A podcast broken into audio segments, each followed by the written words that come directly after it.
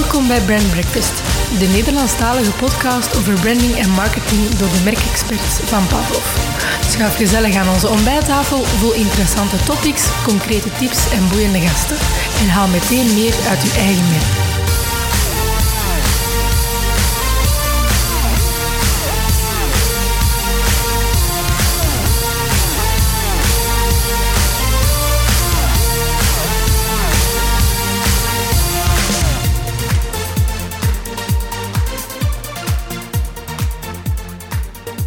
Goedemorgen, beste luisteraar. Welkom opnieuw bij een nieuwe episode van Brand Breakfast. Ik ben zoals altijd Michael Verbeek en ik zit hier tegenover mij met uh, mijn collega Stef. Dag Stef. Hallo, goedemorgen. Goedemorgen. Is niet zomaar een episode. Dat is waar. We zitten aan de 40ste episode intussen. En het is terug een klassieke episode met ons twee, uh, waar we het vandaag gaan hebben over drie interessante topics.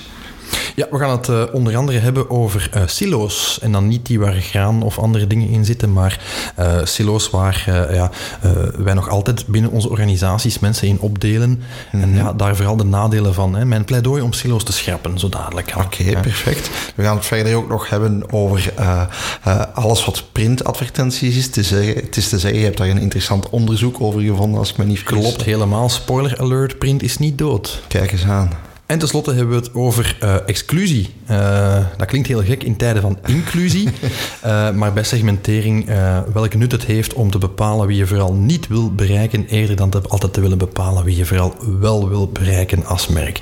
Voilà, laten we er gewoon in vliegen. Hè?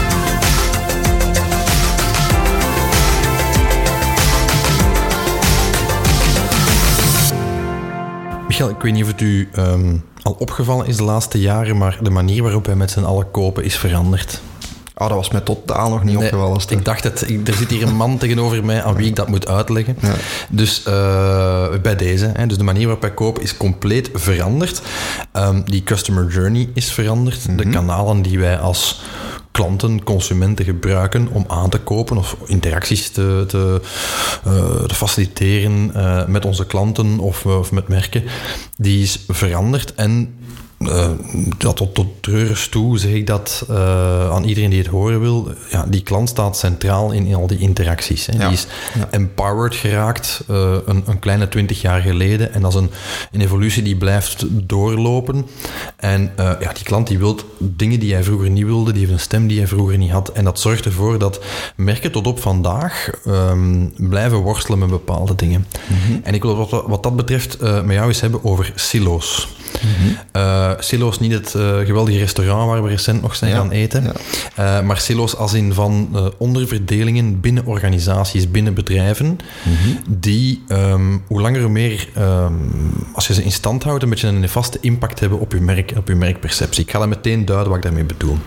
Um, ik zeg net van die klant is dat centraal.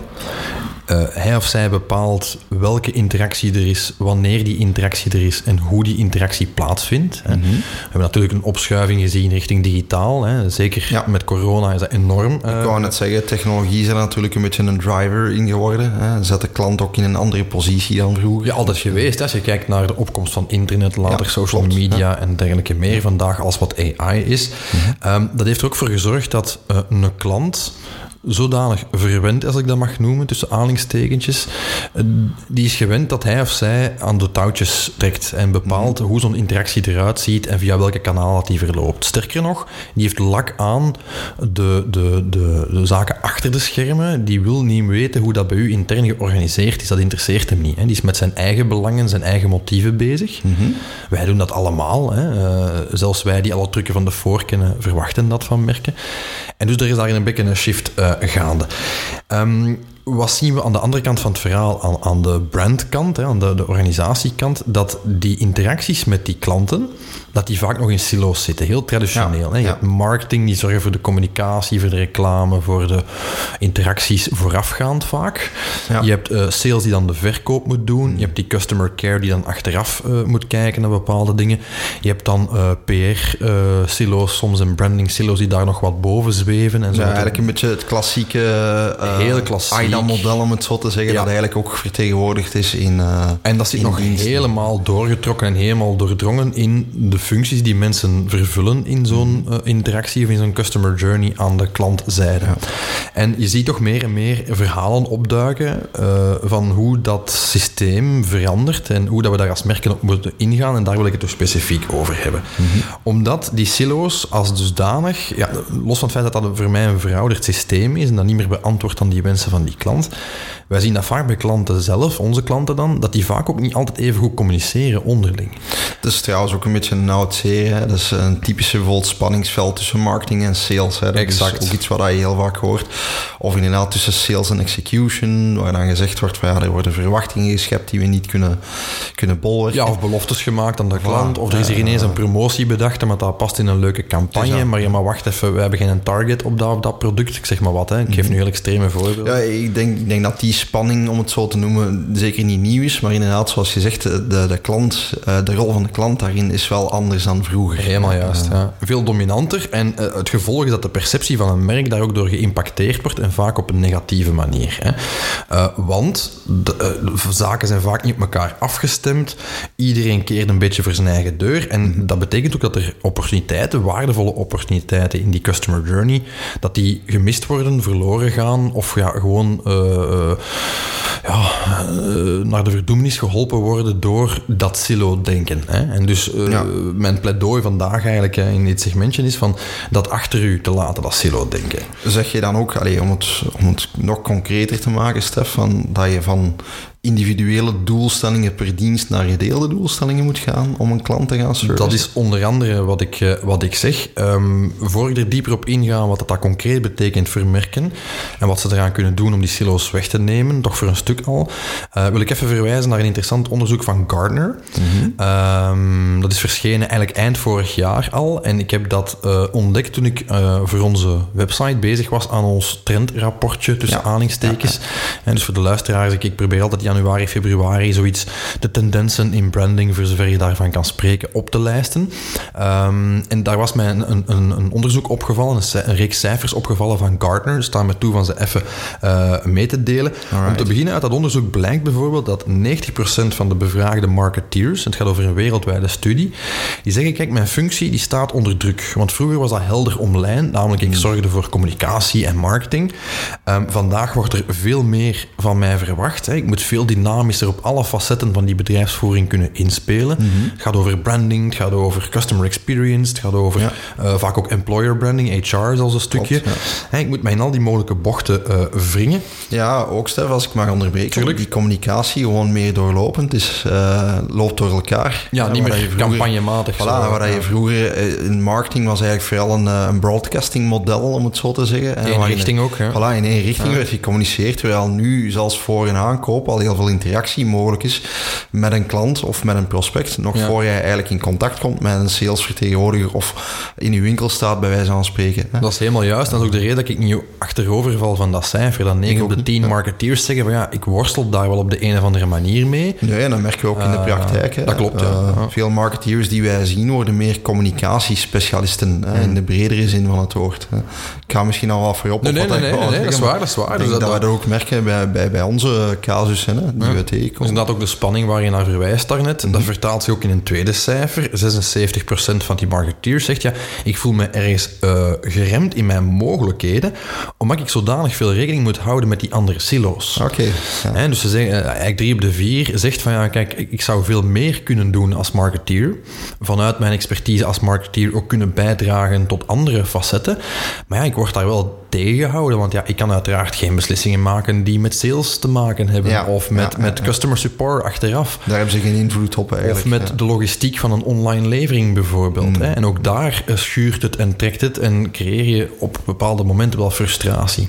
En dus het strafste cijfer, het is ook dat dat ik meegenomen heb in mijn trendartikel in januari eh, eerder dit jaar, is dat eigenlijk eh, een kwart van de merken die ze bevragen, dat zijn dan eh, meer C-level, hè, dus van de organisaties, zegt, kijk, eigenlijk tegen 2023 willen wij die functies van marketeer, uh, verkoper, uh, customer care, al dat soort zaken, als het met branding, customer experience, communicatie te maken heeft, mm -hmm. we willen dat tegen 2023 gaan verenigen in één functie of in één dienst. Ja, ja want ik wou net zeggen, één functie, als ik even mag inpikken en advocaat van de duivel mag spelen, dat is, al complex, dat realistisch. Ja. Hè? Want ja. je zit natuurlijk met specialiteiten daarin. Hè? Uh, zoals als je puur kijkt in het vak van, van marketing. Uh, ik herinner mij collega's die recent aan het uh, solliciteren waren als de, voor een job in digital marketing. Ja.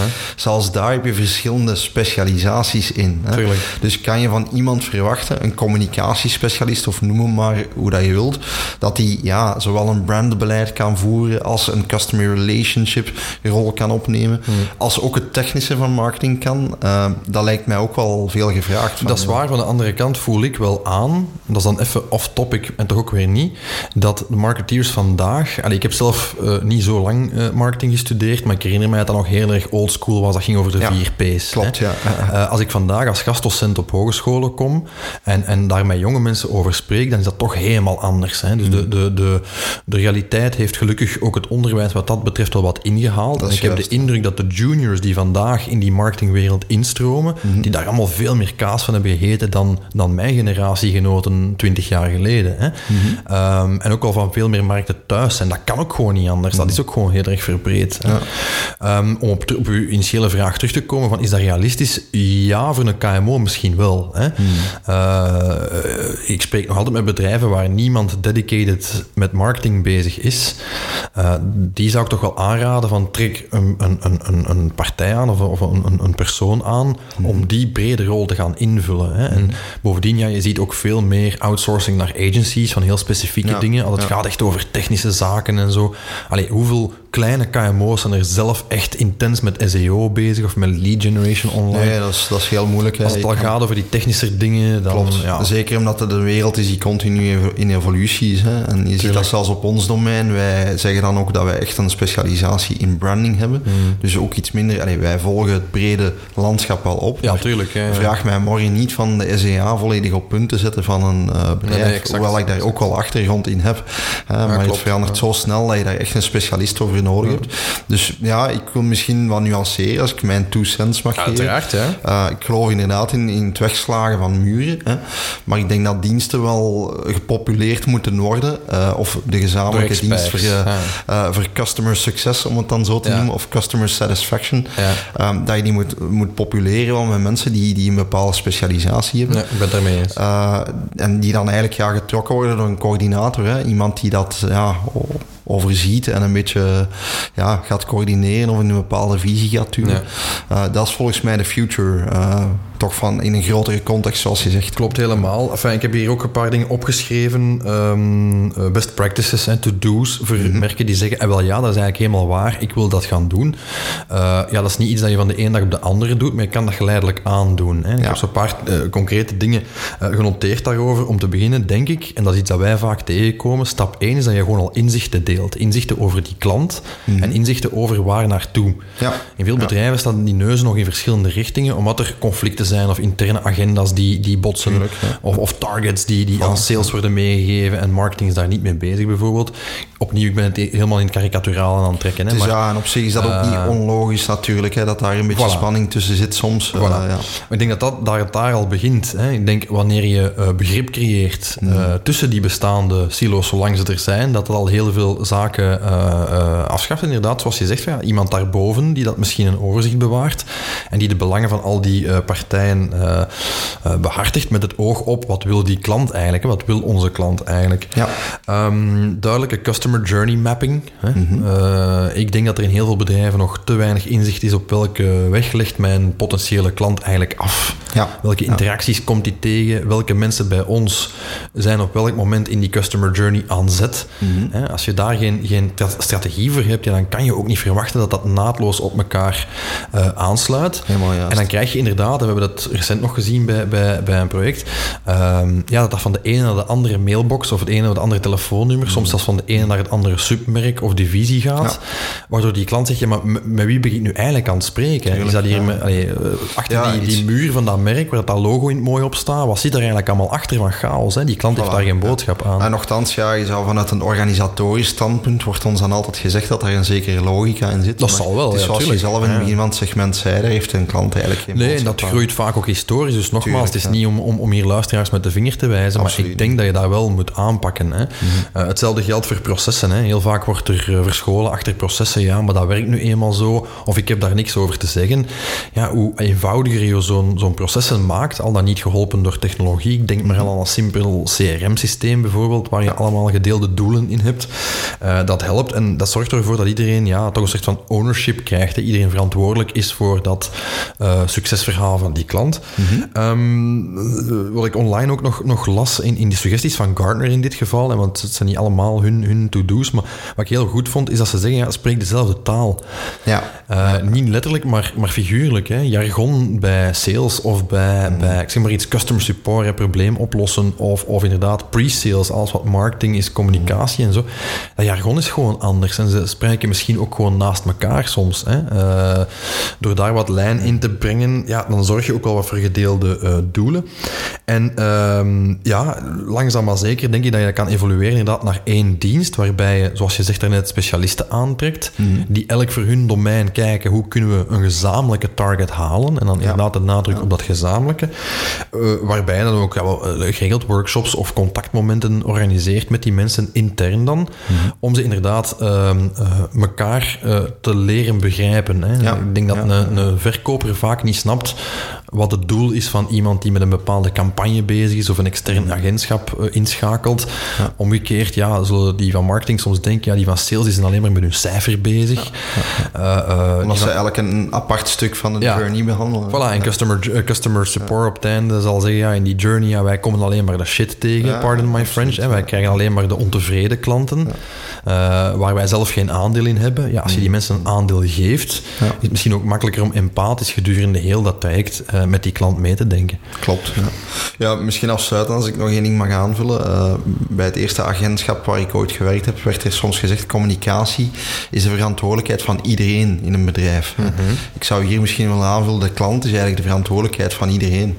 Uh, ik bedoel daarmee van ja, iemand die marketing doet, komt misschien nog niet in een, in een positie waarin hij de klant echt kent of, ja, ja, of ziet, ja, een stuk ervoor. Maar in principe moet dat ook anders zijn. Hè. In, in zekere zin zou die eigenlijk moeten betrekken, betrokken zijn, moeten weten wie die klanten zijn. Mm. Uh, omgekeerd inderdaad, uh, de, de personen die mee in de backend zitten hè, en uh, meer de support gaan doen, moeten ook weten op welke manier je verkocht wordt en mm. hoe klanten benaderd worden in een eerste contact. Dus zoals je zegt, ja, die communicatie intern is key, want eigenlijk zou iedereen een klant moeten kennen. Hè. Ja. Daar komt het eigenlijk op neer. Hè. Ja. Ja, conclusie voor mij is sloop die muurtjes intern ja, ja, hè, uh, met de klant als, als einddoel. Um, en als dat niet onmiddellijk kan, wat ik me best kan inbeelden, organisatorisch, uh, zorg dan op zijn minst al is dat die mensen over mekaars muurtje gaan kijken. Hè, wat ook in realiteit ook nog te weinig uh, gebeurt. Hè.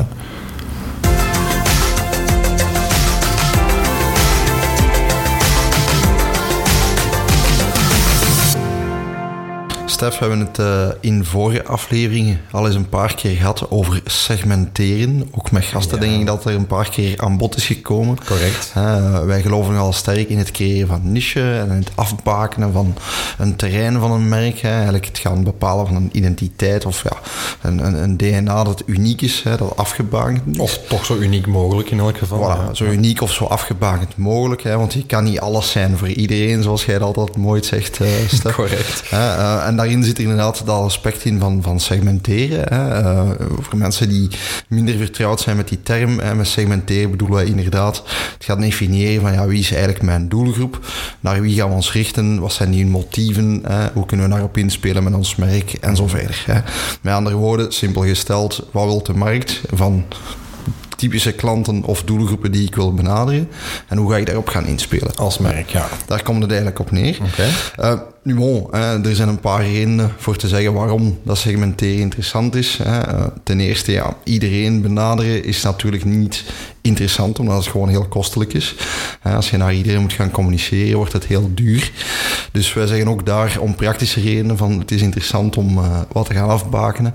En eigenlijk ja, meer te gaan specifieren wie je wilt gaan benaderen. Ja, je hebt er wel, ik denk bijvoorbeeld een merk als Coca-Cola bijvoorbeeld, ja. dat die heel bewust zeggen, ja, iedereen. Voilà, uh, is in principe heel breed, maar natuurlijk dan spreek je over een firma met een heel groot marketingbudget. Uh, je hebt omgekeerd ook merken die zeggen van, goed, we hebben een, een grote doelgroep, maar we gaan bijvoorbeeld eerder lokaal gaan spelen. Uh, of een bepaalde markt gaan benaderen. Dat is ook een vorm van segmentering natuurlijk die mhm. mogelijk is. Dus dat is natuurlijk één aspect. anderzijds natuurlijk, omwille van de reden dat we er net aangaven, merken die meer niche gaan, spreken ook meer tot de verbeelding van bepaalde doelgroepen. Um, en ja, natuurlijk hoe meer dat die inspelen op die noden van specifieke doelgroepen, hoe meer dat mensen zich gaan herkennen in dat merk. Makes sense. Voilà, dat is de theorie achter segmenteren. Ik ben uh, helemaal mee. Voilà, we zijn helemaal mee. Ja. Nu, eh, waar wil ik eigenlijk toe komen? Want hier hebben we het natuurlijk al eens over gehad, maar ik heb van de zomer een heel interessant artikel gelezen, Stef. Okay. Um, die dat toch een beetje in vraag stelde. Het is te zeggen, die eigenlijk zei, maar kijk, dat segmenteren, misschien moet je dat eens op een andere manier gaan benaderen. Oké. Ehm, eigenlijk, ja, waar spreken ze over? Van ja, veel bedrijven nemen het eigenlijk als volgt aan. Dat men eigenlijk gaat zeggen van hoe, wie is onze ideale klant? Wat is het laaghangend fruit, om het zo te zeggen? Uh, wie is most likely om met ons in contact te komen of bij ons te kopen. Of ja, te interageren met ons als merk. Ja. Voilà, hè, dat is meestal de klassieke benadering. Hè. Wij doen dat ook als wij persona-oefeningen doen bij, mhm. klanten. Gaan wij op die manier vaak te werk gaan en we samen gaan nadenken wie is eigenlijk uw ideale klant of uw ideale doelgroep. Mm Nu, in het artikel sprak men eigenlijk van ja, waarom gaan we de redenering eens een keer niet omgekeerd gaan aanpakken? Een methode waarin dat we eigenlijk gaan zeggen, we gaan niet op zoek gaan naar klanten die we willen benaderen. Maar we gaan op zoek gaan naar doelgroepen die we vooral niet willen benaderen. Want daar zit geld. Want daar zit juist geen geld. Hè. Okay. Uh, eigenlijk is de theorie van in plaats van in inclusie te gaan werken, gaan we in exclusie gaan werken. Oké. Okay. Um, dat is een theorie die ook een stukje omschreven is door een zekere Patrick Hanlon. Uh, je moet hem maar eens opzoeken. Dat is een, een Amerikaanse strateeg. Ik ken hem zelf niet. Mij niet. Nee. Uh, maar dat is een man die heeft een boek geschreven, Primal Branding, okay. waarin hij een aantal tactieken bespreekt rond branding, doet mij een beetje denken aan brandhacking van een andere auteur die mij iets beter gekend is. Okay. Um, en daar spreekt hij over eigenlijk het definiëren van outsiders, wat hij, wat hij zo noemt. Hè. Je moet je voorstellen dat hij eigenlijk op een voertuig zit en dat voertuig is die brand. Daar zitten een paar mensen in dat voertuig, hè. een busje met mensen. Mm uh, dat zijn eigenlijk uw insiders, de mensen die meegetransporteerd worden door uw merk, uw medewerkers, uw klanten, et cetera. Ja, letterlijk mee op de kar zitten. Die eigenlijk letterlijk mee op de kar zitten. En hij spreekt van de outsiders, de mensen die niet op de bus willen komen of die er eigenlijk wil gaan afhouden. Okay. Um, ik zie dat ook ineens voor mij. Voilà, ik vind het wel leuk als dat een beetje visueel wordt omschreven, een beetje die metafoor. Uh, en hij zegt eigenlijk van, kijk, vaak is het makkelijker om te zeggen als merk, waar wil je zeker niet mee geassocieerd worden, waar wil je zeker niet zijn. Van klanten of van waarde dan? Uh, beiden. Hè? Dat je eigenlijk zegt van, goed, ja, dat zijn personen die we denken sowieso nooit te kunnen benaderen. Uh, dus misschien moeten we die al uitsluiten. en hij zegt van, ja, als je die oefening blijft doen en je blijft eigenlijk gaan schrappen, schrappen, hè? een beetje het idee van kill your darlings ook, en mm probeer uh, te landen tot eigenlijk een, een, een uitgescherpt uh, beeld van je doelgroep. Ja, ja dan, dan creëer je eigenlijk automatisch je target audience. Want je target audience is hetgene dat eigenlijk overblijft. Oké, dus het is eigenlijk gewoon schrappen wie je niet in je kerken wilt en dan houden automatisch de juiste mensen over. Ja, dan. klopt. Hè. Ah, okay. Omdat eigenlijk stelt, en daar zit wel iets in, hè, zeker als je met personas gaat werken, ga je soms wel iets te, gaan, iets te nauw gaan definiëren. Hè. Ga je bijvoorbeeld zeggen, ja, oké, die leeftijdscategorie of die categorie van mensen. Door mee met exclusie te gaan werken, zegt hij eigenlijk van, oké, je gaat een aantal groepen gaan schrappen, Hmm. maar je laat eigenlijk nog een iets groter gemene deler over, die niet in die categorieën valt. Ehm, nu ook interessant, want dat is een theorie op zich. Je kan daarvan vinden wat je wilt. Maar uh, ik las dan verder, in het artikel, ik ben ook wat verder research gaan doen, dat men dan recent ook eens heeft toegepast bij een brand, uh, bij Audi in Denemarken. Okay. Heeft men die uh, methode eens gaan toepassen, specifiek op de techniek van online marketing. Um, dus je weet, als je websites gaat bezoeken, zijn er allerlei cookies mee verbonden, die je gedrag en je klik, ja, u, u, zal ik maar zeggen, u... Uh, die u tracken eigenlijk. Ja, die u eigenlijk ja. gaan tracken en die eigenlijk gaan zien waar je op klikt, waar je in geïnteresseerd bent, et cetera. Nu, meestal die cookies, als we spreken over targeting van advertenties of retargeting, gaat dat eigenlijk inspelen op inclusie. Hè. Gaan bedrijven eigenlijk proberen op basis van bepaalde keywords of bepaalde gedragingen u te gaan targeten met een bepaalde advertentie. Ja, dus bijvoorbeeld in het geval van Audi zou dat kunnen zijn andere merken die je tof vindt, waardoor ja. ze ervan uitgaan dat je in de marketcijfer een nieuwe A5, bij ja, wijze van spreken, of uh, je houdt van bepaalde sporten waar zij zich mee willen liëren, mm -hmm. uh, dat soort zaken. Hè. Dat voilà, bedoelde, daar hebben we het inderdaad over. Dat okay. zijn de klassieke trucs van, uh, van inclusie. Ja, ik ben daar niet geweldig in thuis, hè, in online voilà, advertising, dat soort dingen. Maar dat, is inderdaad de essentie. Hè. En nu, ze hebben het, het, het principe is omgedraaid. Ze zijn die cookies eigenlijk gaan gebruiken om te gaan definiëren wie willen we zeker niet targeten. Oké, okay, cool. Dus men heeft eigenlijk gezegd van we gaan iedereen targeten, behalve degene die dat gedrag vertonen online die we zeker niet willen. Oké, okay, dan ben ik heel benieuwd wat dat bij Audi was. Dat is een hele goede vraag. Dat is natuurlijk iets minder gespecifieerd, maar ik kan mij voorstellen... Wordt niet beantwoord. Ja, inderdaad, ik kan mij voorstellen inderdaad bepaalde brands of bepaalde gedragingen waarvan zij zeggen van goed, ja. dat past binnen, uh, minder binnen ons, uh, ja. ja. ons budget of onze, onze levensstijl die we willen verkopen aan klanten. Okay. Uh, nu, men, men, beweert, ik heb er natuurlijk niet in detailcijfers over gelezen, maar in het persartikel over die cijfers stond dat er een conversieratio op die campagne van 70% was. Okay. wat gigantisch hoog is. Ja, zeker voor auto's, want voilà, dat, is, dat, is, dat is heel hoog. Door de weekse aankoop. Daar is ook de vraag hoe, hoe track men conversie zijn. Want je kan zeggen, een conversie kan ook een microconversie zijn. Bijvoorbeeld het inschrijven op een nieuwsbrief of iets in die aard. Ah ja, het zijn niet noodzakelijk aankopen. Van niet noodzakelijk, uh, hè. dus dat is dan ook niet, niet 100% gedefinieerd wat dat, wat dat precies was. Okay. Maar men beweert daar dus heel uh, sterke resultaten mee geboekt te hebben. Door eigenlijk de oefening omgekeerd te gaan doen. Hè. Okay. Uh, ik wou het eigenlijk vooral eens aanhalen, omdat het mij ook eens toe, aan het denken heeft gezet van ja, hoe de manier waarop we segmenteren. En zeker, ja, het is soms heel moeilijk om te gaan definiëren wie wil ik echt benaderen. Hmm. Omdat brands ook zeggen, ja, we willen ergens ook wel toegankelijk blijven voor heel veel verschillende doelgroepen. Misschien kan het voor dat soort merken ook wel eens interessant zijn om de oefening omgekeerd te doen. In combinatie dan bedoel je dan? Of, uh... Ja, of om te zeggen, maar goed, hè, doe ook eens een persona-oefening of een doelgroepenoefening waarin je vooral uitsluitend werkt, hè, Ja. Exclusief gaat werken. En waarin je echt die outsiders gaat definiëren om dan te eindigen op een target group van mensen die daar niet invallen. Ja, voor een stuk kan ik dat alleen maar aanmoedigen. Ik bedoel daarmee van, ik, ik, ik uh, zeg dat inderdaad, we het gelacht er net mee, maar inderdaad zeg dat tegen klanten van, van als je alles wilt zijn voor iedereen, Ja. eindigt dat Ja, als niks voor niemand. Dus Klopt. wat dat betreft is dat logisch. Het kadert ook in wat ik eh, de laatste jaren meer en meer zeg, hè, dat consensus de vijand is van elk merk. Mhm.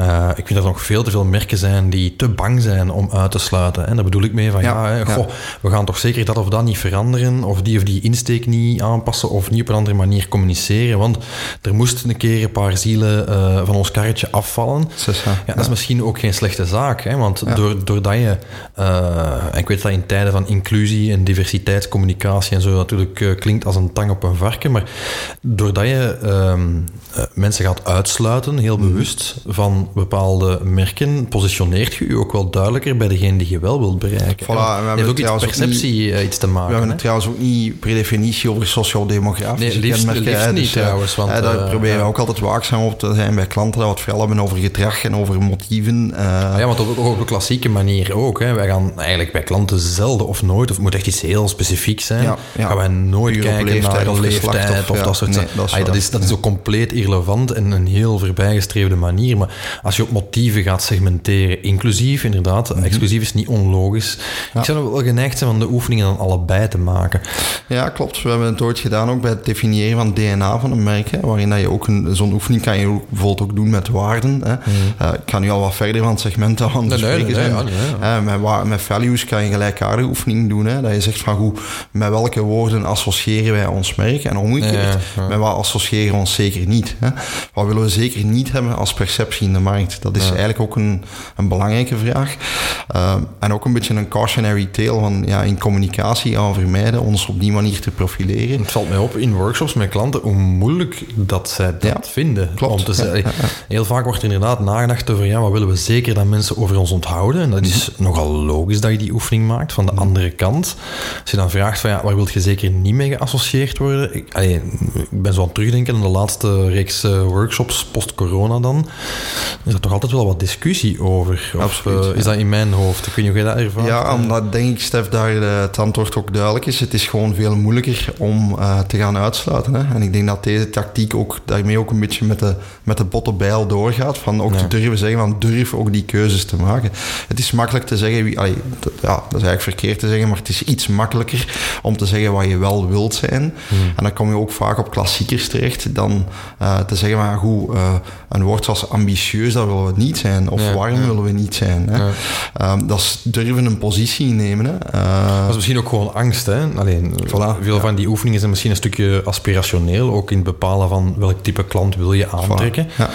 Uh, ja, dat er misschien angst is om, om niks te beloven dat je nooit kan waarmaken als organisatie. Natuurlijk. Ja, vanuit het principe van ja, we willen zeker geen klanten uh, afschrikken. Ja. Uh, maar natuurlijk door geen enkele keuze te maken, ja, dan ga je ook geen klanten aantrekken. Dus het is een, een evenwicht dat je moet gaan zoeken daarin. Helemaal juist. En nogthans, ja, klanten afschrikken als dat nodig is, moet je dat zeker doen. Er zijn genoeg casussen bekend van merken. Je altijd veel dat heel bewust doen. Van Audi aan, inderdaad. Maar ik geef in mijn lezingen altijd het voorbeeld van HEMA.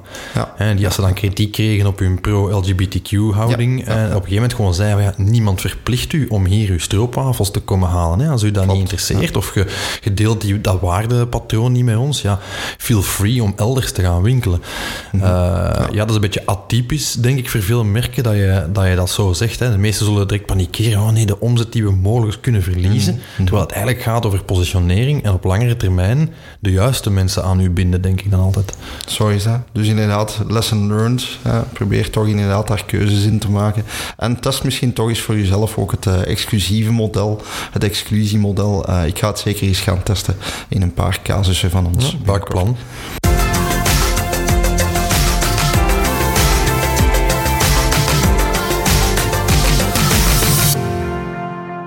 Michael, heb je al eens opgevangen dat uh, print dood is? Al vrij regelmatig en ik ben het daar niet helemaal mee eens. Alright, dat komt goed uit, want ik heb een, uh, een interessant onderzoek opgesnort tussen aanhalingstekens. Mm -hmm. Dus te zeggen, ik ben het gewoon tegengekomen. Alright. Um, met een zeer opvallende conclusie, namelijk dat uh, print ads uh, in magazines, kranten, alles wat tastbaar papier is, mm -hmm. uh, belangen na niet dood zou mogen zijn en een, een plaats verdient in de moderne mediamix. Mm -hmm. Omwille van het feit dat uit fMRI-onderzoeken blijkt dat ze langer blijven hangen. Oké, okay, straf. Ik zou uh, denken van oké, okay, je bladert door uh, een boekje of door een krant en je slaat al iets makkelijker over. Daar kom ik zo dadelijk op, het fenomeen van reclameblindheid. Mm -hmm. Laat ik misschien eerst even schetsen de context van het onderzoek. Het is een Amerikaanse studie. Wat heeft men gedaan? Men heeft mensen advertenties laten zien, ja, um, ja. terwijl hun hersenen gescand worden. Het fameuze fMRI-onderzoek. Ja, een eye-scan. Uh, ja, geen eye-scan, echt een okay. hersenscan, dus met ah, een mutsje. En waar ze dus de activiteiten van uw, uw hersenen meten, welke mm -hmm. stukjes dat oplichten. Hè. Dat is onder andere Martin Lindström maakt daar Juist, heel veel gebruik van, om te kijken van wat denken mensen echt, welke stukken van hersenen lichten op. Mm -hmm. Men laat in advertenties zien, zowel digitale als uh, printversies. Mm -hmm. uh, men last een pauze in en onverwacht, een week later, doet men het onderzoek opnieuw met dezelfde testpersonen. En men laat fragmentjes van diezelfde ads zien om te kijken wat ze ervan onthouden hebben en welke associaties ermee, ze ermee hebben. Hè. Vanuit mijn analytisch brein een vraag over de studie, ja. maar misschien is dat niet gedefinieerd. Vertel. Um, werden de mensen blootgesteld specifiek aan de advertentie of aan het medium waarin de advertentie stond? Um, zeg je specifiek? Beide. Dus aan de advertentie okay. in een medium. Hè. Dus ze ja. kregen zowel digitaal als een stuk papier in handen. Goed, maar het is niet dat er werd gezegd van bekijk nu aandachtig deze advertentie. Uh, jawel, jawel. Dus uh, ze kregen effectief de advertentie te zien. Dat was het idee. Hè? Mm -hmm. Dus uh, okay, ze wisten dat het ging over ads. Ja. Hè? Ja. Um, nu, wat blijkt uit die studie, hè, dat dus, ja, we hebben allemaal een preferentie opgebouwd als marketeers, toch voor een groot deel voor alles wat digitaal is. Mm -hmm. Het is goedkoper, het is meetbaarder, het is eenvoudig. Je kan het, zelfs als kleine KMO, kan je zelf een ad opzetten op Instagram of een filmpje maken op TikTok. Hè. Iets meer controleerbaar. Het is toegankelijk, het is meetbaar, het is vaak ook effectiever in sommige gevallen toch. Of dat lijkt toch in elk geval, omdat het directer is en je kan beter gaan segmenteren en zo verder. Mm -hmm. um, wat blijkt nu uit dat FMRI-onderzoek? Dat um, um, die print-ads na een week langer bleven hangen. Dus als, Okay. wanneer ze een fragmentje van een print-ad te zien kregen, een week na de eerste keer dat ze ermee geconfronteerd werden, niet alleen wisten mensen nog gemakkelijker bij welke advertentie dat hoorde, bij welk merk dat hoorde, welke slogan erbij hoorde en zo verder. bovendien, de, ze hebben ook biometrische metingen gedaan, dus de pupillen waren meer verwijt. Hè. Okay. Uh, als je pupillen uh, verwijt uh, gaan of, of, groter worden, dat kan twee dingen betekenen. Of je vindt hetgene wat je ziet leuk. En zo kan je bijvoorbeeld zien of iemand verliefd is op jou. Ja. ja. Um, of opgewonden is of voilà. Ja. Of het is gewoon donker, dat kan natuurlijk ook. Hè. Ja. Dus puur fysiologisch. Um, dus de pupillen waren meer verwijt, de, de, de hartslag was hoger, de huidgeleiding, hè, dus het testen dan zo de geleiding, hè, de ja, elektrische ja. geleiding van je huid en zo, was ook hoger. Dus met andere woorden, men, men keek niet alleen langer, men herinnerde zich ook beter welke ad het was, als het een print uh, ad was. Mm -hmm. En uh, men had er meer connectie mee, men uh, vond dat interessanter, aantrekkelijker om naar te kijken. Um, simpel gesteld, dus om af te ronden het onderzoek daar even, um, um, wat is de conclusie van de, de wetenschappers? Um, dat uh, die print-ads dus beter zouden moeten werken, hè, in theorie. Mm -hmm. En dat komt omwille van het feit dat wanneer wij naar iets kijken of iets van informatie in ons opnemen, zintuigelijk, dan creëren wij wat zij memory traces noemen, dus kleine mm -hmm. overschotjes. Hè. Uh, ik spreek daar zelf ook over in mijn lezingen bijvoorbeeld. Ik noem dat somatische markers. Ja. Dat ja. zijn uh, ja, vlaggetjes die je in de sneeuw plant om je weg daarna nog terug te vinden. Hè. Okay. Dat zijn manieren voor je hersenen om het zichzelf makkelijker te maken en snel info op te roepen later. Nu, wat blijkt bij print, omdat er meer dan één prikkel is, namelijk je ziet niet alleen die ad, maar je voelt hem ook. Doordat je... zeggen, het is ook iets tastbaar hè, dat je voor je hebt. Exact. Ja. Dat tastbare zorgt ervoor dat er niet één, maar twee zintuigen geprikkeld worden, minstens. Mhm. Want papier, bijvoorbeeld een krant, kan ook echt ruiken naar krant, bijvoorbeeld. Ja. Um, zijn er meer van die somatische markers, meer van die memory traces, en zorg er dus voor dat er dus ja, een, een, dieper, een dieper spoor in de sneeuw getrapt wordt. Mhm. Hè. Als je onze hersenen als een uh, blank canvas of een, een, een wit veld met sneeuw uh, bekijkt.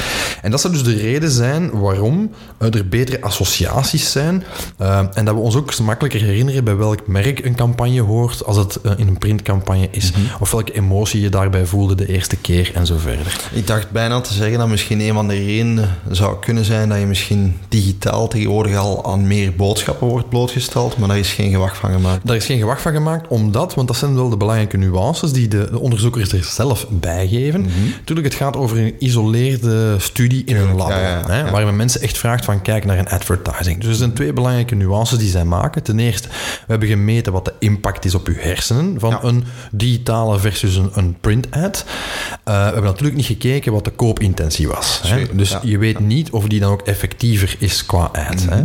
Het zou kunnen bijvoorbeeld dat je je minder herinnert van een digitale ad, maar dat die wel hogere conversie oplevert. Ja. Hè. Dat hebben ze niet onderzocht. Uh, ten tweede, toch ook niet onbelangrijk. Um, uh, ja, natuurlijk, uh, je haalde het al aan daarnet, hè, de reclameblindheid hè, Ja. is wel een belangrijk facet. Wanneer jij iemand een magazine geeft dat opengeslagen is op een advertentie en zegt, kijk daar nu een minuut naar en wij gaan ondertussen je hersenen meten, dan is de context natuurlijk wel anders dan wanneer jij gewoon thuis in je zetel datzelfde magazine zit te doorbladeren. Ja, de context is minder spontaan. Voilà, ik lees heel veel, zowel kranten als, als magazines. Hè. Uh, ik zal het een voorbeeld geven. Ik lees elke week de trends. Maar ja, vraag mij niet welke ads daar laatste week in stonden. Ik zou het bij God niet weten. Misschien onbewust is er wel een recollectie, uh, mocht je dat nu testen bij mij. Mhm. Maar ja, reclameblindheid is nu wel een fenomeen. Allee, ik spreek daar ook over in, in, in brandhacking in mijn boek. 74% van de mensen doet alle moeite van de wereld om ads te negeren. Hè? Bewust en onbewust. Met adblockers. Maar mhm. ja, wat is de laatste billboard die jij gezien hebt toen je naar het kantoor reed uh, vanmorgen? Ja. dat weet jij ook niet meer. Dat eentje van de lijzen. Ah, toch? Ah, oké, okay, als straf. ja. Dan ben je uitzondering. Als je dat vraagt in workshops, in groepen van mensen, dan zie je mensen heel hard denken. Hè? dus inderdaad, met, met, met dat soort fenomenen is geen rekening gehouden. Mhm. Nu, wat is de conclusie inderdaad van uh, supprimeer print niet als dusdanig als een interessant medium? Mhm. dus ga, niet uit dat print, ga er niet vanuit dat print dood is. Print heeft wel zeker zijn nut. En mogelijk zijn de conclusies ook door te trekken naar andere zaken. Mhm. Bijvoorbeeld, ik zal een voorbeeld geven. Een tv-reclame kan bijvoorbeeld ook effectiever zijn, omdat je ook daar meer markertjes plaatst. Ja. Want wanneer je daar toevallig wel naar zit te kijken, lees als je ze niet doorspoelt uh, op je digibox bijvoorbeeld, mhm. of niet ondertussen, uh, weet ik veel wat, een, een ijsje of een koekje gaat halen of een glas wijn. wanneer je dus kijkt naar een advertentie, ja, dan krijg je niet alleen dat beeld binnen, maar krijg je ook nog het geluid binnen bijvoorbeeld. Ja. De sonic branding, daar hebben we het al een paar keer over gehad in de podcast ook, is heel krachtig. Radioreclame bijvoorbeeld, gewoon door de recollectie en het feit dat gewoon het melodietje al helpt om een boodschap te onthouden. Maar om in te pikken op wat hij ook aangaf er straks, ehm, ik denk dat print soms, allee, ik vind het soms een charmant medium, in die zin dat je inderdaad een aantal zintuigen bespeelt die je bijvoorbeeld digitaal niet hebt. Hè. Mm. Inderdaad, de tast, de geur van iets. Hè. Ehm, soms het medium zelf al waarin een, een, advertentie gepubliceerd is en op welk type van papier of in welke, ja, in welke editie dat, dat wordt gepubliceerd, geeft ook een extra air aan een advertentie. Dat is zo, dat draagt Oké, je kan natuurlijk digitaal ook wel doen. Hè. Je kan ook beslissen hoe groot gaat die advertentie zijn, in welke kwaliteit, um, uh, op welke website wordt het gepubliceerd, et cetera. Mhm. Daar heb je ook mogelijkheden, maar het is toch anders. Je bent iets meer ja, constrained tot dat scherm. Hè. Je kan iets meer echt ja, tastbaar gaan interageren en uit. Ja. ja, daar kan je tegen opwerpen dat natuurlijk een, een digitale advertentie misschien dynamischer is. Dat klopt, ja. Aanklikbaar is. Je, kan, interactie, beweging insteken, video. Um, van de andere kant is dus de vraag van, ja, blijft dat daarom beter hangen? Hè? Uh, uit dit onderzoek zou blijken van niet. En dus de, de conclusie die men maakt is van, uh, uh, ja, ga print niet uit de weg. Experimenteer daar vooral mee. Mm -hmm. Vooral, hè, want dat is vooral het interessante, dat mensen zich dat na een week nog beter herinneren dan een digitale uit.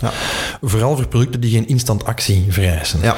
ja. En je ziet inderdaad, hè, als ik kijk naar, naar, naar advertenties in de media die ik lees, dat is inderdaad niet over dingen van ja, koop nu dit. Hè. Dat gaat dan over een auto. Dus je moet al chance hebben dat je net op dat moment in de market zijn voor een nieuwe wagen. Of dat is reclame voor een bank bijvoorbeeld. Ja, je switcht niet om de vijf uh, minuten van bank. Hè. Uh, maar het is een awareness uh, Voilà, een awareness verhaal en, en, en, inderdaad een recollecting verhaal. Zodat je de week erop nog altijd weet dat bank X een interessante formule heeft om te beleggen bijvoorbeeld. Of Auto X uh, die afstand kan afleggen met één uh, laadbeurt of met één tankbeurt. Hè. Of dat je het ehm, esthetisch onthoudt, hè, het beeld. Ja. daar, allee, dus wat dat betreft... heel veel mee natuurlijk. Hè. Wat dat betreft zou de sprint zeker en vast een interessant medium zijn en blijven. En dus de moeite waard zijn om mee te experimenteren.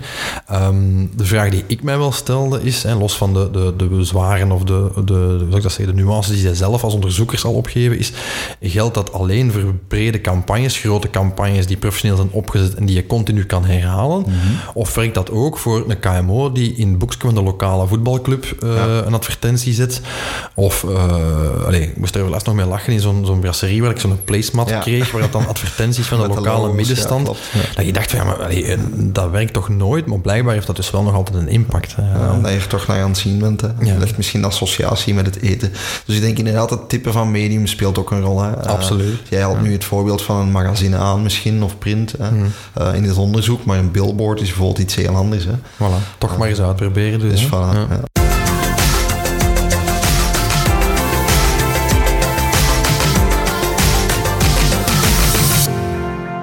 Voilà, en zo zit onze uh, ja, klassieke aflevering met ons getweetjes uh, er weer al op Wordt voor een deze maand. Stef?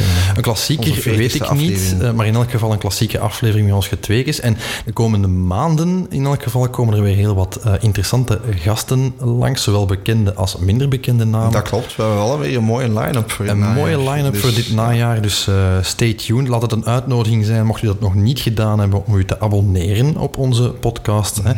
hè. ja, via brandbreakfast.be of een app naar keuze. En ja, aarzel ook vooral niet om ons te contacteren. Hè. Ik wou net zeggen, Stef, we hebben nog altijd ons hello at brandbreakfast.be adres voor al uw vragen, klachten, liefdebetuigingen, complimenten en opmerkingen die u graag wilt geven over onze show of eventueel ideeën die u hebt. Ik ging net zeggen, topics. topic. En dan bekijken we dat met heel veel plezier. Voilà, zo is dat. Bedankt voor het luisteren en alvast tot een volgende gelegenheid.